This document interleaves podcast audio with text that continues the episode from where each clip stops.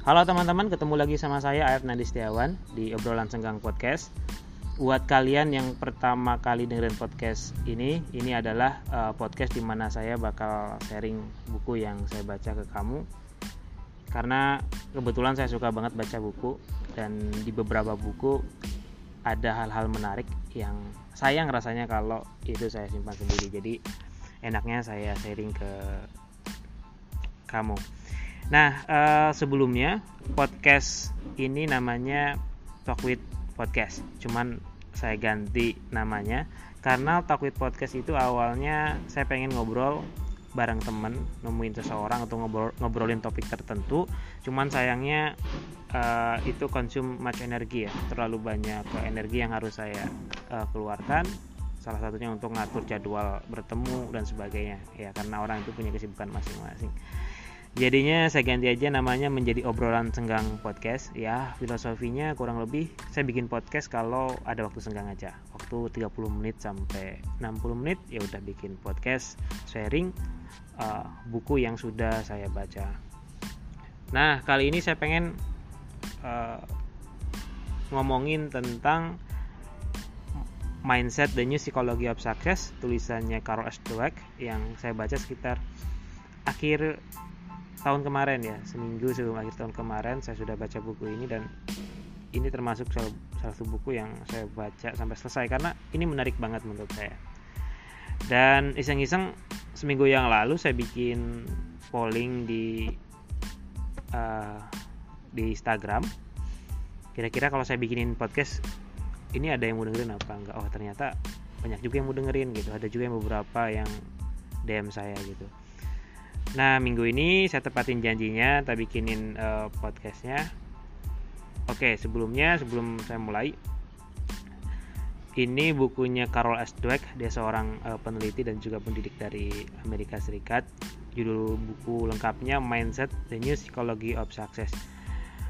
Buku ini penting banget sih menurut aku buat kalian yang uh, hari ini lagi sekolah atau lagi jadi mahasiswa atau sedang berjuang untuk mencoba hal-hal baru kayak gitu untuk kesuksesan karir ataupun uh, ya bisnis kalian kalau kalian punya bisnis. nah, uh, buku ini ngomongin tentang uh, mindset. Artinya lebih kepada cara kita berpikir atau cara kita ketika kita melihat gitu. Oke, nanti saya di buku ini akan ngomongin setidaknya ada empat hal ide dasar yang menurut saya penting dari buku ini yang bakal saya share. Ada empat ya. Yang pertama ngomongin tentang apa sih itu growth sama fixed mindset.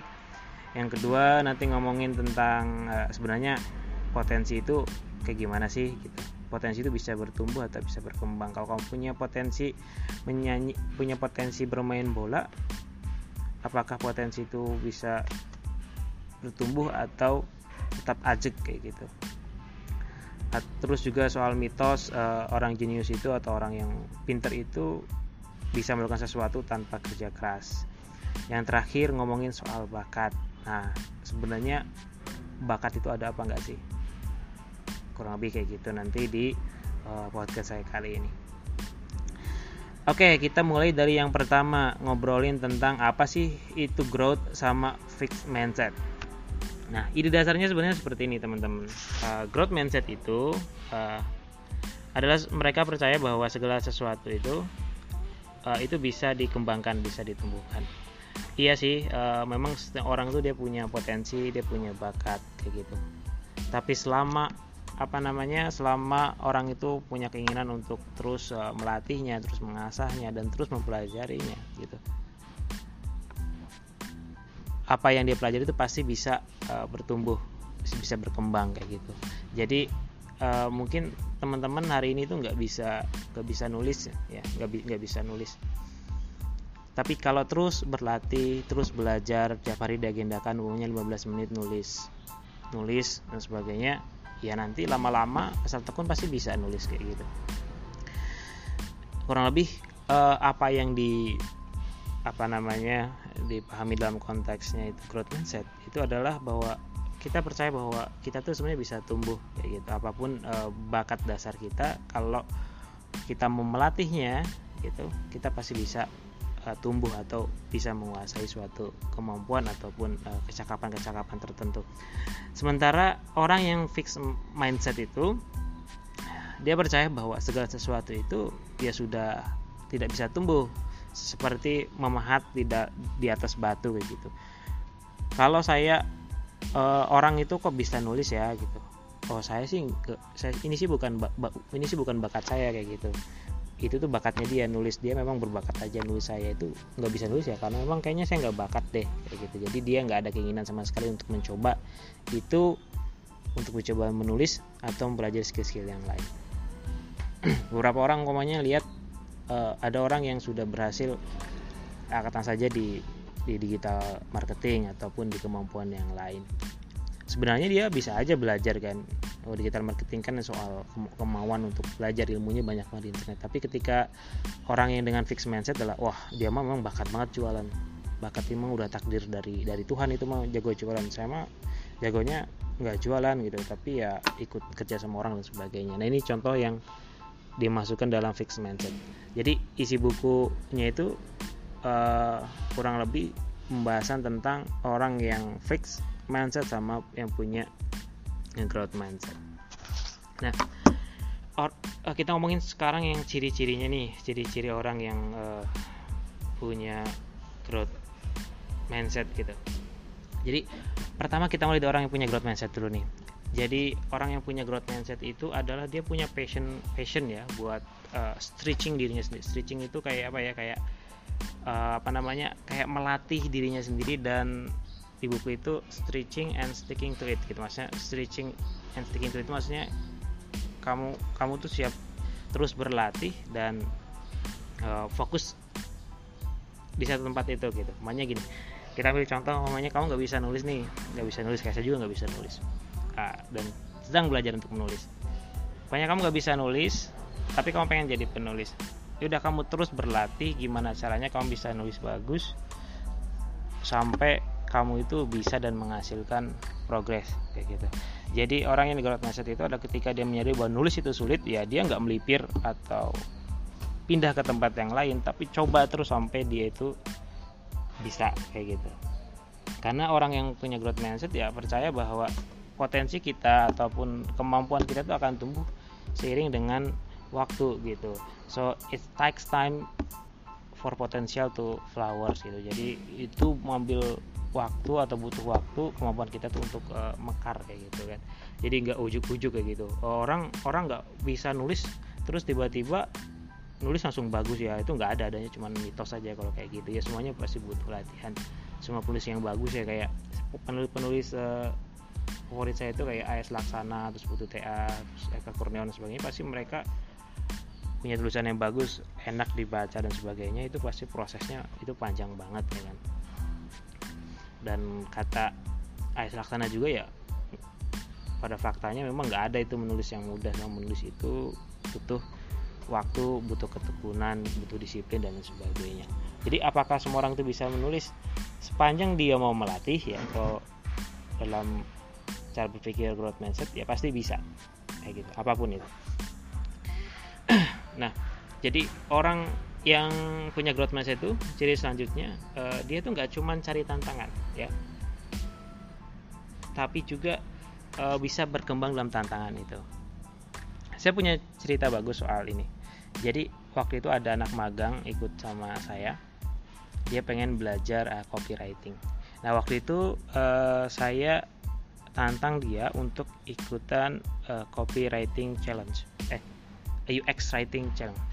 Challenge UX writing itu adalah uh, tulisan pendek untuk aplikasi. Biasanya kalau teman-teman buka aplikasi website dan sebagainya di situ kan ada petunjuk-petunjuk umpamanya ya, ini tombolnya di sini. Terus kemudian kalau mau keluar itu uh, pencet yang mana. Nah tulisan-tulisan pendek itu itu namanya UX copy copywriting. Nah dia ikut tantangan itu dia pengen uh, nulis pengen bisa bikin uh, eh, UX copywriter. Nah dia ikut tantangannya 15 hari kayak gitu. Jadi itu ada pes ada grup Facebooknya. Jadi orang yang ikut tantangan itu ngupload tulisannya di grup Facebook itu selama 15 hari betul-betul nggak boleh putus. Dan itu bahasa Inggris ya. Jadi anak ini sebenarnya nggak bisa bahasa Inggris ya. Nggak bisa bahasa Inggris tapi karena dia mau ambil tantangan itu itu jadi dia apa namanya dia mau nggak mau kan belajar. Ini pasti buat orang yang nggak bisa bahasa Inggris ya kan? Nulis bahasa Inggris untuk uh, untuk US copywriting itu pasti susah minta ampun.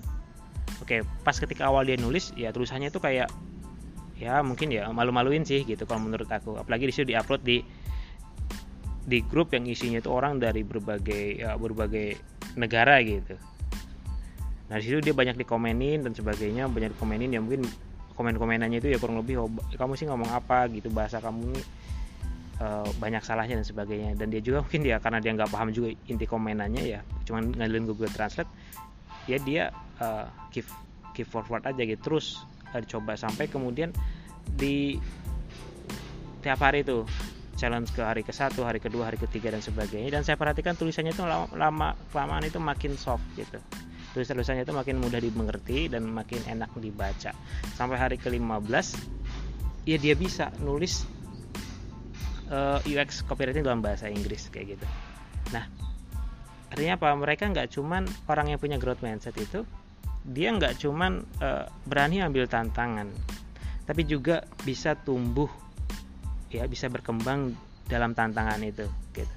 Kan ada tuh orang yang berani ambil tantangan eh ternyata tantangan yang sulit kemudian dia give up nyerah. Nah orang yang punya growth mindset dia thrive on it gitu. Dia terus berkembang ikut sesuai dengan mindset yang eh sesuai dengan tantangan yang eh, dia ambil. Karena bagi orang apa namanya bagi orang yang punya growth mindset uh, segala sesuatu itu nggak langsung tiba-tiba sempurna kayak gitu ya. Jadi yang namanya pinter itu bukan saat kita itu tanpa melakukan kesalahan apa pun. Dikasih soal 50 50 nya bener semua ya itu bukan bukan pinter kayak gitu ya. tapi yang namanya keberhasilan itu pasti butuh waktu kayak gitu. Mereka berani menghadapi tantangan dan membuat progresnya di situ. Terus yang kedua itu kita ngomongin tentang ciri-cirinya fix mindset ya karena orang yang fix mindset itu selalu berpikir bahwa segala sesuatu itu sudah semacam dipahat di atas batu gitu jadi apa yang dilakukan itu adalah uh, dia berusaha untuk membuktikan kepada orang lain bahwa dia itu pintar, dia itu berbakat, dia itu cerdas dan dia itu bisa. Kecenderungan seperti itu. Sehingga orang yang berpikir fixed mindset ini dia akan takut ya. Dia akan takut bagaimana nanti dia dijudge atau bagaimana dia kemudian di dievaluasi. Nah, karena apa? Karena orang seperti ini dia selalu menganggap bahwa dirinya itu adalah uh, ya bisa gitu ternyata ketika dicoba nggak bisa akhirnya dia takut dievaluasi ntar saya ngopi dulu ya minum kopi bentar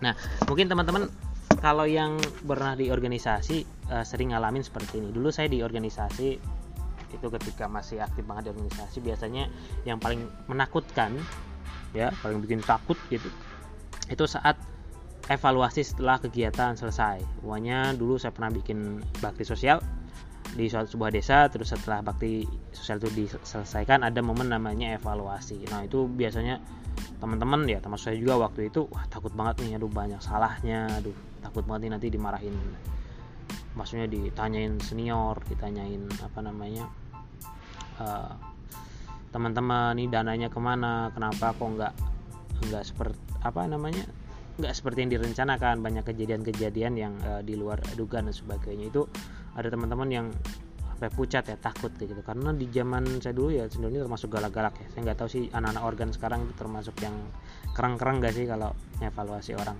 nah ini contohnya adalah orang yang punya fixed mindset gitu. Jadi dia itu uh, menganggap bahwa segala sesuatu itu harus sempurna. Maaf dia itu e, bisa gitu. Jadi dia takut banget kalau seandainya dijudge orang atau dievaluasi. Dan saya pun pernah e, seperti ini juga ya. Jadi saya pernah berusaha membuktikan kalau saya itu bisa dan sebagainya. Akhirnya apa sih? Ya capek sendiri gitu. Karena buat apa sih membuktikan sesuatu yang e, sesuatu yang apa ya yang kita sendiri sebenarnya nggak bisa jadi nggak nggak tapi senang di situ. Cuman karena ingin membuktikan kepada orang lain akhirnya dipaksa di situ. Ya akhirnya capek secara emosional dan juga ya energi energi kayak gitu.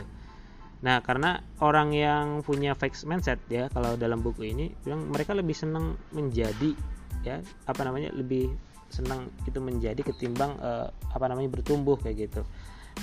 Menjadi sempurna gitu ketimbang kan terus terus berproses. Gitu. Jadi saya itu ya saya itu sudah jago matematika namanya saya kemudian saya nggak mau belajar hal yang lain.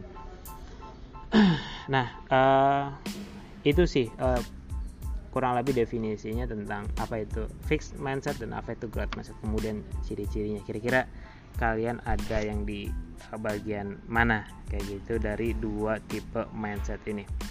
Ya jadi apakah kalian hari ini sedang mencoba suatu skill dan kesulitan? Kemudian kalian merasa ah aku aku nggak kuat di sini aku give up aja aku coba skill yang lain. Nah itu namanya kan punya fixed mindset bahwa kalian berani ambil tantangan tapi nggak berani uh, berkembang atau tumbuh di dalamnya. Nah di buku ini ada kutipan bagus sih menurut aku dari Benjamin Berber seorang sosiologis. Dia bilang dunia ini dibagi uh, dunia ini tidak dibagi oleh yang kuat atau yang lemah atau orang yang sukses dan orang yang gagal tapi dibagi orang yang mau belajar sama yang mau enggak eh sama yang nggak belajar. Dia bilang sederhana itu aja dunia ini dibagi. Kayak gitu. Jadi kalian kira-kira ada yang di bagian mana nih? Ada yang di fix mindset ada yang di growth mindset ya. Tinggal pilih mindsetnya yang mana. Nah kemudian kita lanjut yang kedua tentang potensi uh, bahwa benar nggak sih uh, potensi orang itu akan berhasil apa gagal ditentukan oleh potensinya? Oke, ngopi dulu ya. Lumayan uh, sering juga yang gue ngomong sekitar berapa nih saya udah ngomong? Ya sekitar dan udah.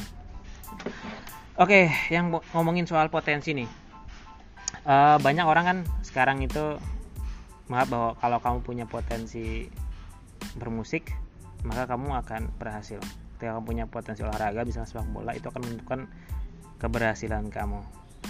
Gitu. Uh, soal itu sih di buku ini si siapa namanya si penulisnya itu yang ngakuin bahwa semua orang itu dia punya inisial potensi ya. Maksudnya punya potensi dasar yang sifatnya bukan lahir ya. Mungkin itu disebut bakat cuman yang bakat ini tuh nggak akan menjamin seseorang itu akan berhasil ya kalau nggak bisa dikembangkan. Bahkan orang yang sebenarnya nggak punya bakat sekalipun di dunia hal dan sebagainya asal dia punya uh, passion ataupun punya uh, keteguhan untuk terus berlatih sebenarnya dia juga bisa. Gitu. Nah yang dikritiki di buku ini uh, kadang orang itu untuk melihat berhasil apa enggaknya itu hanya dengan oleh bakat gitu oleh asesmen umpamanya bakat kamu itu uh, adalah ya tadi umpamanya main sepak bola umpamanya ya. Atau paling gampang deh kalau di dunia akademik umpamanya bakat itu ditentukan dari asesmen ini tes biasanya gitu kan. Oke tes kamu ketika SMA nih terutama ya. Oke hasil ujian deh hasil ujian itu punya kamu ternyata nilai uh, matematikanya bagus kayak gitu. Nah itu seakan-akan kemudian itu hanya cukup untuk uh, menjudge kamu bahwa kamu itu potensinya di matematika. Terus umpamanya nilai-nilai mata kuliah yang lain eh mata kuliah yang lain mata pelajaran yang lain kayak umpamanya bahasa dan lain dan itu jelek kayak gitu. Jadi kamu akan terpaku bahwa oh aku tuh uh, yang jagonya itu matematika tapi aku tuh nggak jago di bahasa. Jadi aku nggak perlu mempelajari bahasa. Padahal di saat yang sama sebenarnya kamu butuh banget skill itu tapi karena kamu merasa bahwa oh potensiku nih di bahasa kayak gitu.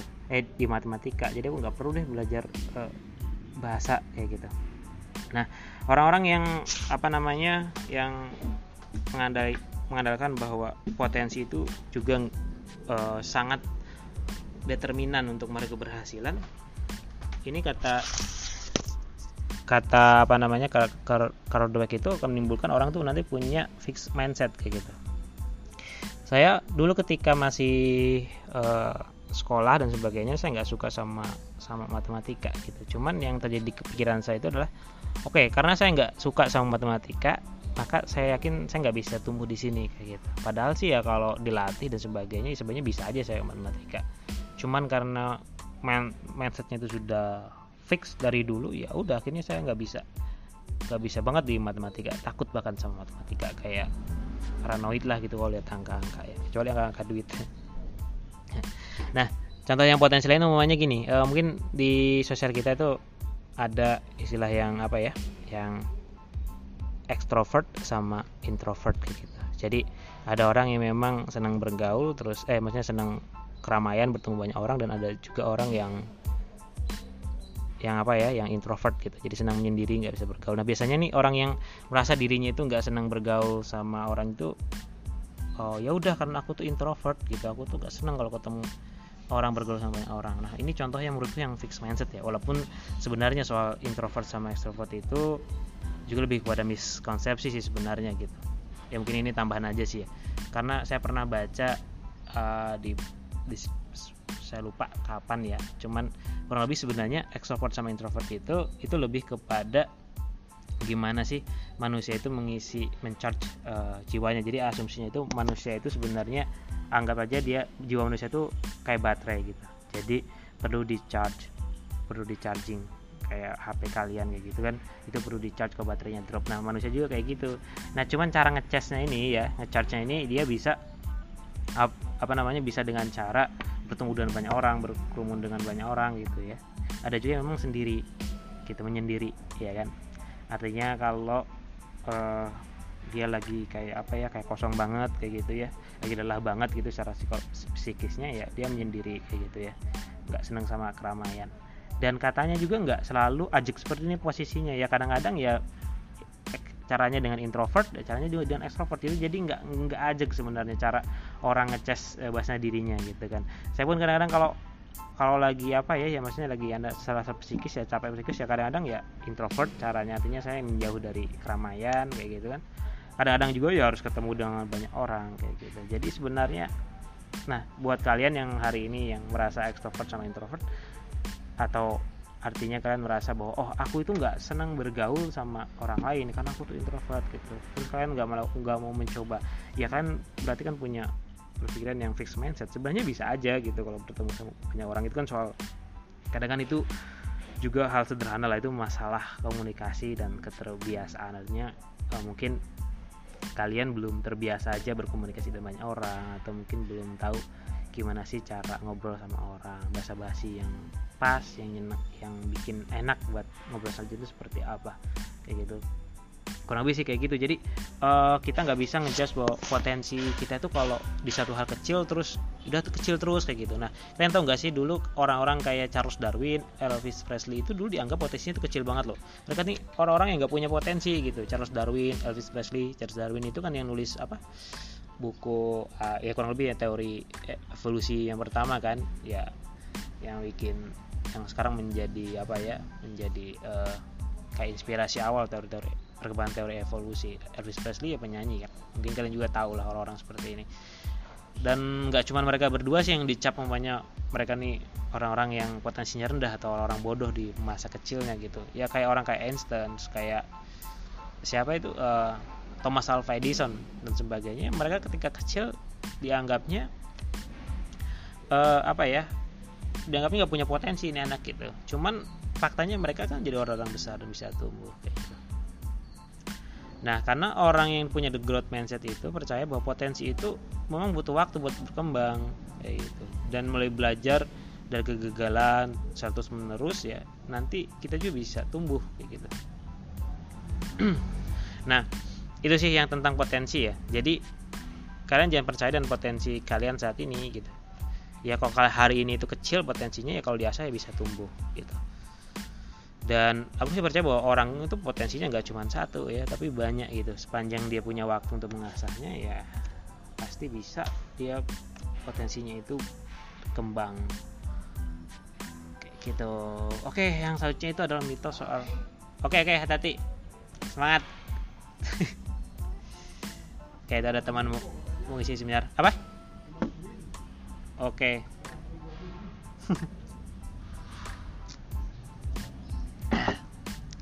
Sampaikan permintaan maaf ke panitia gitu ya. Aku eh aku izinnya ke Pangandaran sih kemarin. Oke, oke, tadi sorry, tadi ada teman. Nah, dia mau ngisi seminar katanya oke kita lanjut ini soal mitos kerja keras oke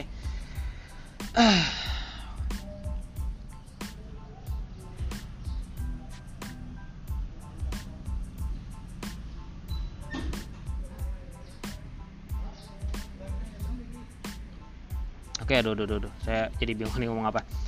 Habis ke distraksi tadi. Uh, begini, teman-teman.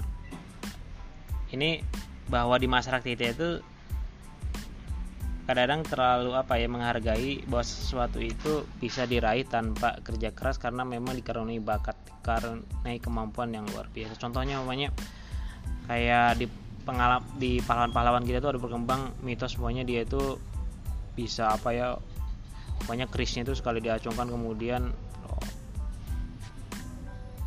banyak apa namanya tentara tentara-tentara Belanda itu mati kayak gitu. Artinya dia dikurangin kemampuan-kemampuan yang otomatis dia itu akan ber ya nggak mau nggak mau mau nggak mau dia menjadi orang yang besar kayak gitu ya karena dan kemampuan supernya itu. Atau juga ya, teman mungkin lihat umpamanya ada orang yang uh, kalau kerja itu cepet gampang kayak nggak ada hambatan kayak gitu. Karena memang di orang itu jenius karena memang orang itu dia itu uh, jago kayak gitu. Nah dalam banyak di di masyarakat kita itu yang cara berpikirnya seperti ini bahwa segala sesuatu itu bisa diraih tanpa apa ya tanpa kerja keras kayak gitu. Banyak kayak siapa Einstein dan sebagainya mikir kayak teori apa namanya relativitas dan sebagainya. Ya karena bagi dia itu gampang banget gitu. Kenapa? Ya karena dia jenius kayak gitu. Banyak kan mitos-mitos seperti itu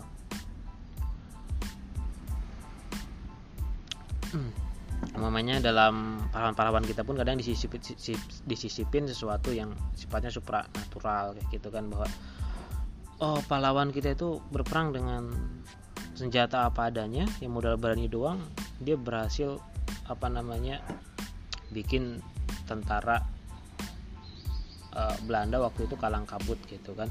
Ya contoh nih banyak di perang Aceh, Cut Nyadin dan sebagainya itu kan perangnya hampir 31 tahun. Kemudian perang lama banget ya 31 tahun.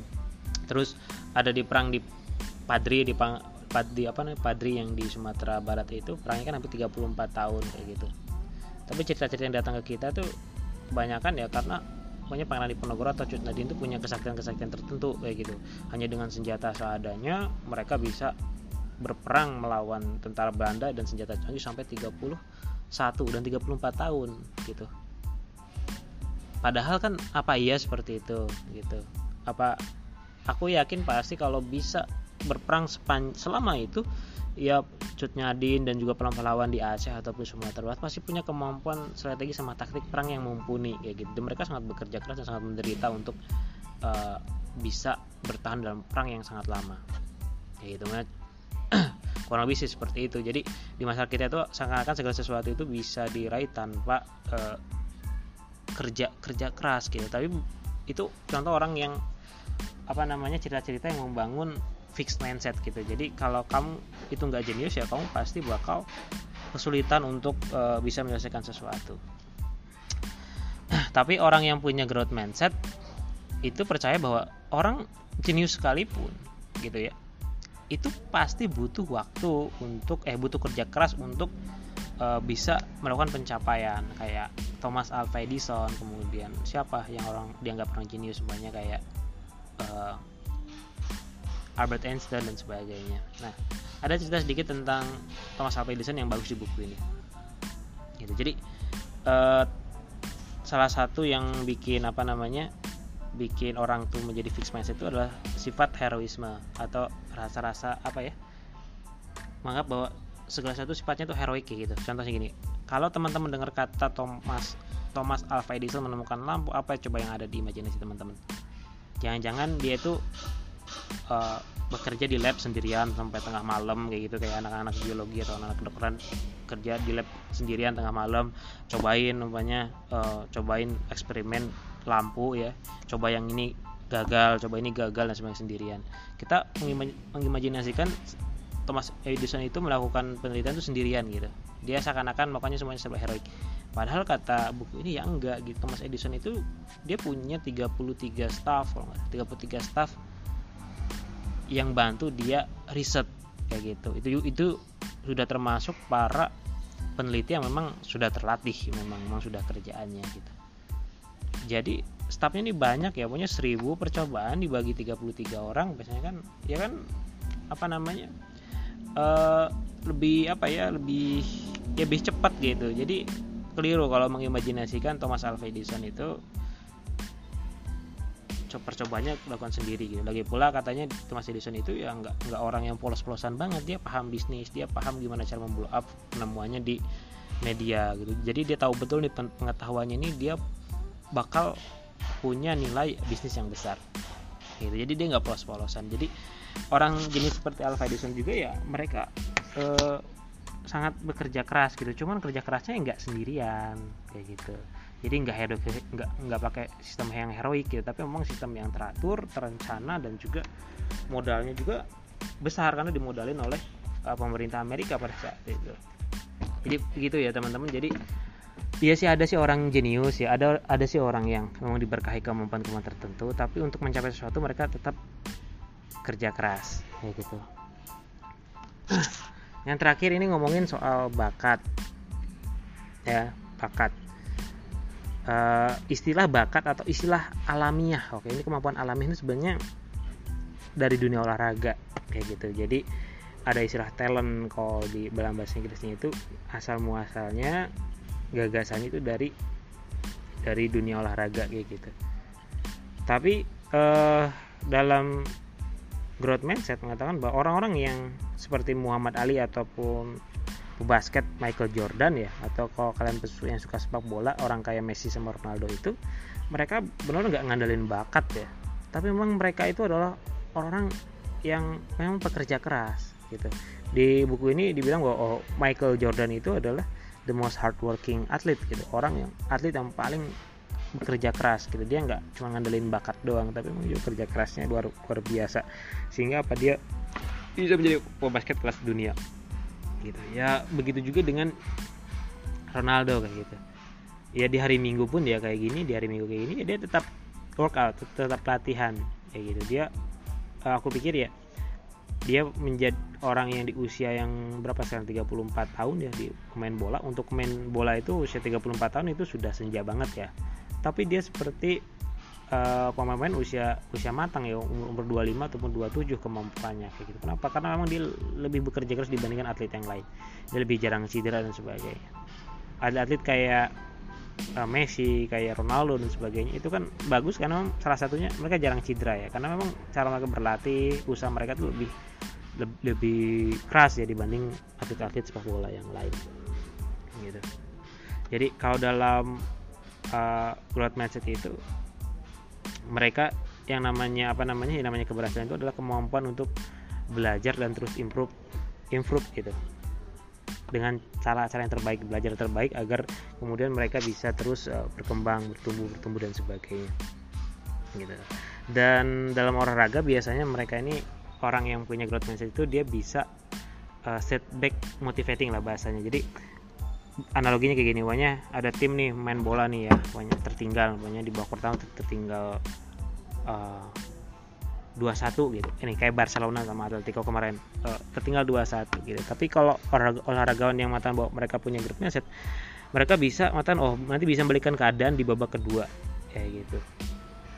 Akhirnya ketika babak kedua dimulai ya mereka bisa membalikan keadaan menjadi 3-2 ya case nya kayak uh, Atletico versus Barcelona di Copa del Rey kemarin. Gitu. Jadi uh, bagi orang yang growth mindset nih ya yang namanya yang namanya apa keberhasilan itu letaknya itu adalah di kemampuan untuk terus belajar terus berlatih gitu. Itu itu hal yang paling penting banget kalau dalam uh, berpikir growth mindset. Ya saya pikir teman-teman ini udah kita bahas empat tempatnya udah ngomong sekitar 34 menit menit kayak gitu. Uh, saya pikir itu dulu dari ulasan bukunya Ross Dweck Mindset Book. Semoga teman-teman bisa nangkap isinya. Nanti kalau ada yang bingung atau ditanya nanti bisa langsung DM di Instagram saya oke teman-teman terima kasih. Sampai jumpa di episode selanjutnya. Bye bye